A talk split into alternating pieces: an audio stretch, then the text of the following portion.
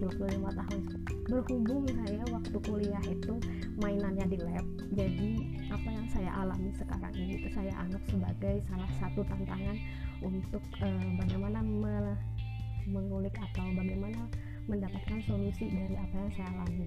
Kalau dulu di lab sering mengukur pertumbuhan tanaman, tapi saya mencoba untuk bagaimana kalau diri saya sendiri yang saya jadikan eksperimen. Jadi mengukur pertumbuhan progresnya dari hari ke hari dengan melihat potensi-potensi yang uh, yang ada di dalam diri saya. Tetapi pertanyaannya adalah bagaimana cara menemukan potensi itu. Jadi akhirnya saya mencoba untuk belajar caranya belajar dan tentunya itu prosesnya sangat panjang apalagi tidak semua hal yang kita suka itu ternyata membawa dan semangat. Kemudian berlanjutlah cerita ini ke sebuah perjalanan yang membawa saya mengenal tentang Jawa terutama Jawa Timur.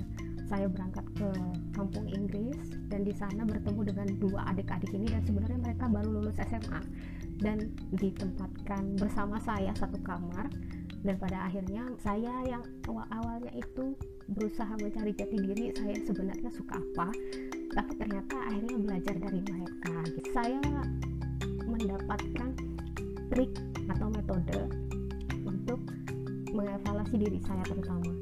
Akhirnya saya mencoba untuk membuat hal sederhana, menarik, tapi sering terlupakan. Atau hal baik yang banyak kebaikan tapi males untuk dikerjakan. Nah, saya memulai itu dengan membuat buku kecil diari. Ternyata lambat laun saya mengenalnya itu sebagai jurnal syukur. Nah, jadi semakin ke sini itu uh, semakin banyak kata kunci yang baru yang menambah semangat itu kemudian yang kedua semangat semangat itu bukan karena ikut-ikutan tapi karena menganggap bahwa apa yang disampaikan itu memiliki nilai sehingga sayang sekali kalau itu tertahan untuk dirinya sendiri. Jadi saya berpikir kayaknya kirimannya Allah buat saya gitu buat belajar supaya kita kembali ingat bahwa belajar itu memang tujuannya untuk menambah nilai diri terutama nilai kita dengan Tuhan dan nilai kita terhadap lingkungan dan diri sendiri. Nah berhubung karena tidak bisa berlama-lama di tempat saya belajar pada akhirnya saya harus ke Malang dan bertambahlah pertanyaan.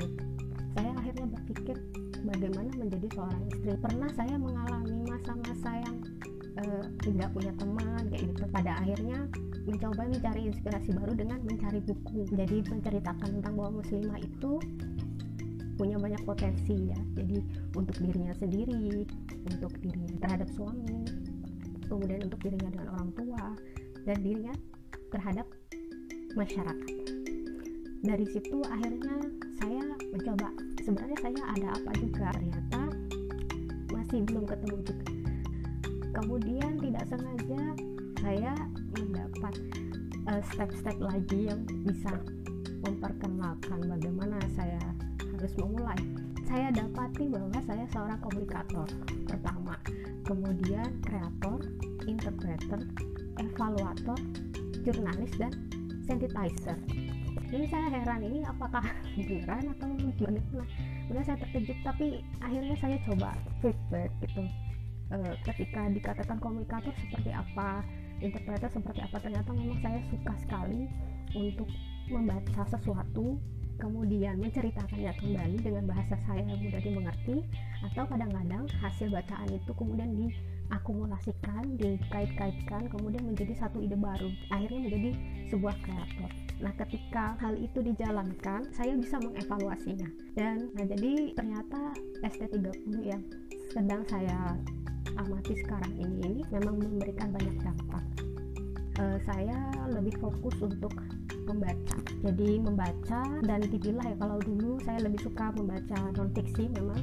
Entah itu terta, terkait tentang aktivitas kehidupan sehari-hari atau aktivitas-aktivitas lingkungan yang bahasanya bahasa biasa.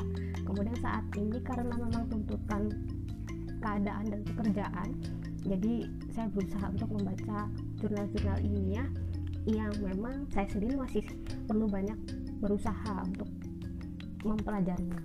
Di kolom parameternya adalah membaca jurnalnya kemudian mensintesis apa yang didapat yang ketiga menuliskannya kembali dalam bentuk tulisan dan ide apa yang bisa dibuat dari dari hasil bacaan tersebut. Dari selanjutnya yang semakin semakin makin ke sini sudah makin bisa dirasakan bahwa hal yang kecil itu akan bisa berdampak baik kalau dilakukan dengan rutin.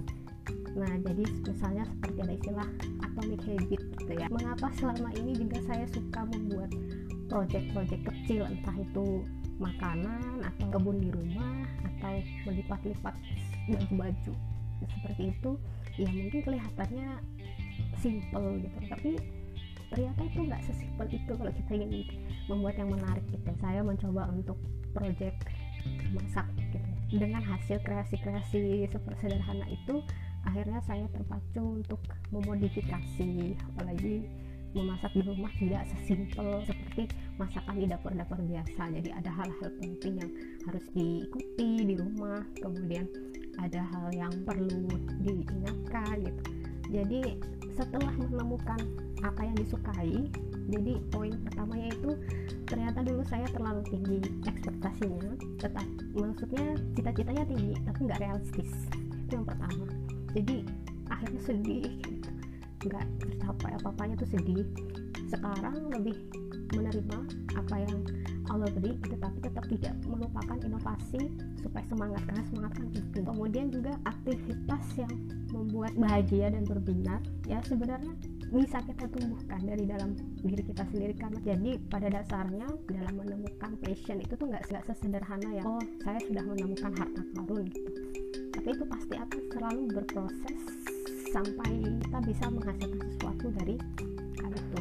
Saya tentang membaca buku pada waktu itu saya mengulang kembali bagaimana harus membaca buku dengan serius tapi santai dan menyenangkan. Kemudian saya membaca tentang buku tentang produktivitas seseorang. Jadi saya seperti mereview lagi uh, produktivitas yang seharusnya itu seperti apa? Apakah kita harus selalu sibuk untuk menjadi produktif atau jika hari ini tidak melakukan apa-apa tidak memiliki karya itu dibilang tidak produktif ternyata itulah yang bisa mengubah paradigma saya bahwa produktif itu ada dipengaruhi oleh tiga faktor. Apabila kita memiliki waktu yang tepat ketika memiliki kesehatan dan ketika memiliki energi.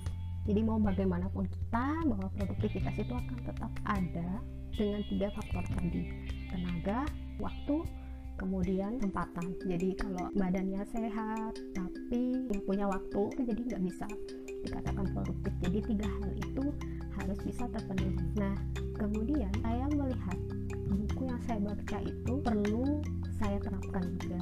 Jadi 25 menit bekerja fokus gitu. 5 menitnya istirahat 25 menit fokus 5 menitnya istirahat lagi.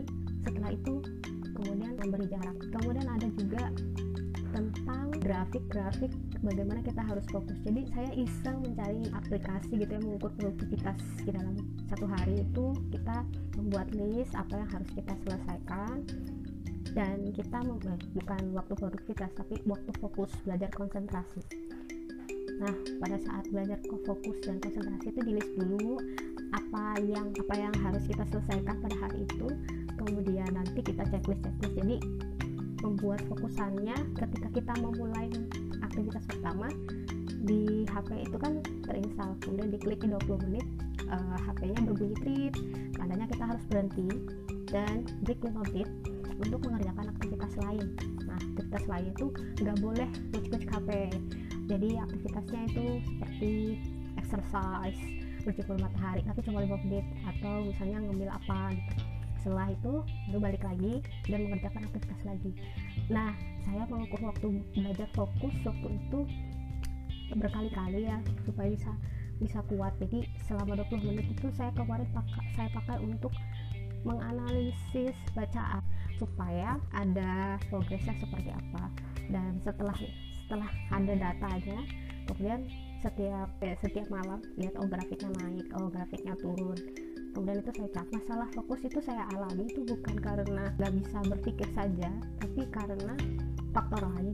Ternyata saya dicek dari sisi kesehatan juga memiliki anemia ya.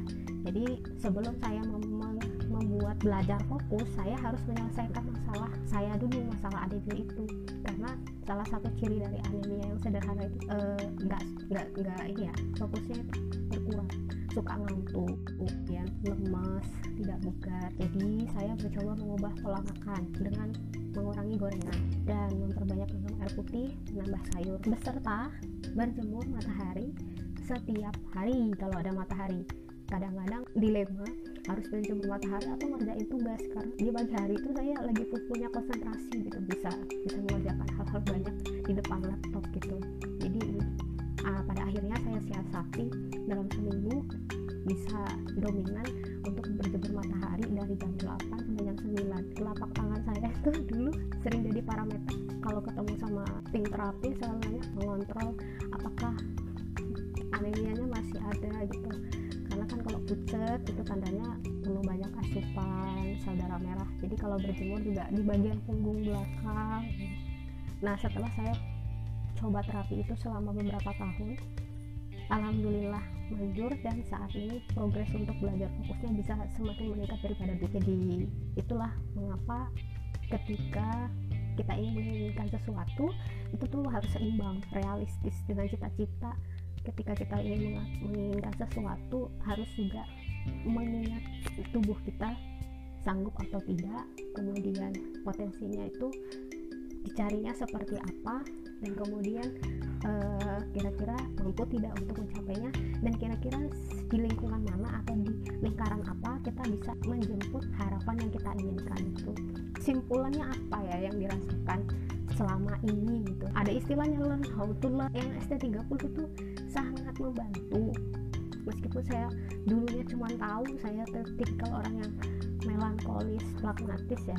Tapi ternyata dengan di dengan tahunya metode ST30 itu saya iseng dan mencari di salah satu blog ternyata ada uh, eh, ST30 untuk kepribadian ibu.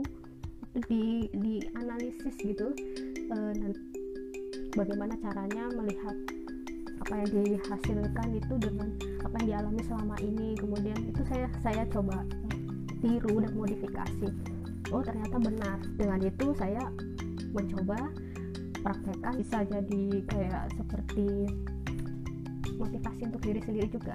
Karena siapa sih yang bersedia memotivasi diri kalau bukan dari dalam diri sendiri dulu lebih dulu gitu. Dan juga saya, saya pernah dapat nasihat kalau seseorang itu selesai dengan dirinya sendiri maka insya Allah nanti selanjutnya bisa mengenal yang lain gitu. Nah jadi sekian. Assalamualaikum warahmatullahi wabarakatuh